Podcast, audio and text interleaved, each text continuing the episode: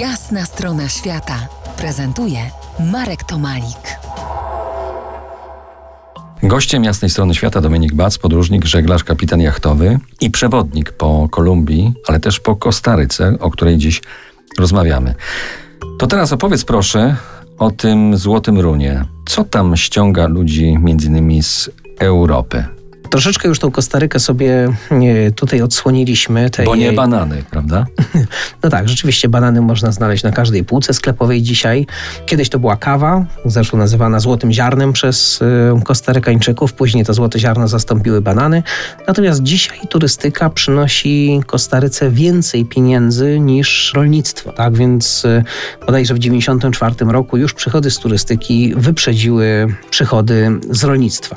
Przede wszystkim jest to kraj Bye. Bardzo bezpieczny, jak na latynoskie y, warunki podróżowania. Tak, można tam swobodnie podróżować.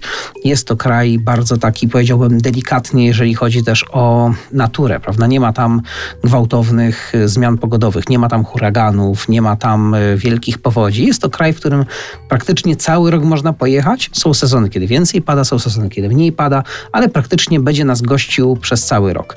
Ludzie, którzy uwielbiają naturę, po prostu są zachwyceni Kostaryką wszędzie jest zielono, wszędzie są jakieś zwierzęta, małpy, papugi, wszędzie można wejść e, do wodospadu, których są tam po prostu setki, tysiące. Można się wykąpać w różnych miejscach e, nad morzem, w Pacyfiku i w Atlantyku. Właściwie, gdyby się postarać, to jednego dnia można się wykąpać rano w Atlantyku, a wieczorem już w Pacyfiku. No to co? No to zapraszamy na kąpiel razem z Dominikiem.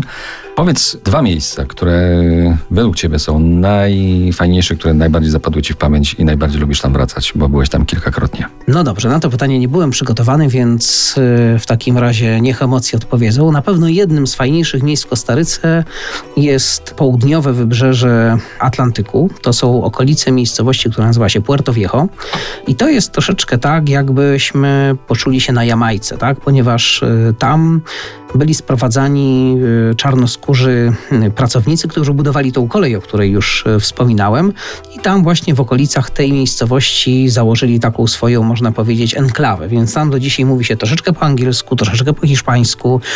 Usłyszymy rytmy reggae. Wieczorem na plażach będzie wyluzowany klimat rastafariański. Myślę, że jest to miejsce, które no, podróżnikom z Polski na pewno się spodoba. Do Kostaryki wrócimy za kilkanaście minut po jasnej stronie świata. Zostańcie z nami. To jest jasna strona świata w RMS Classic.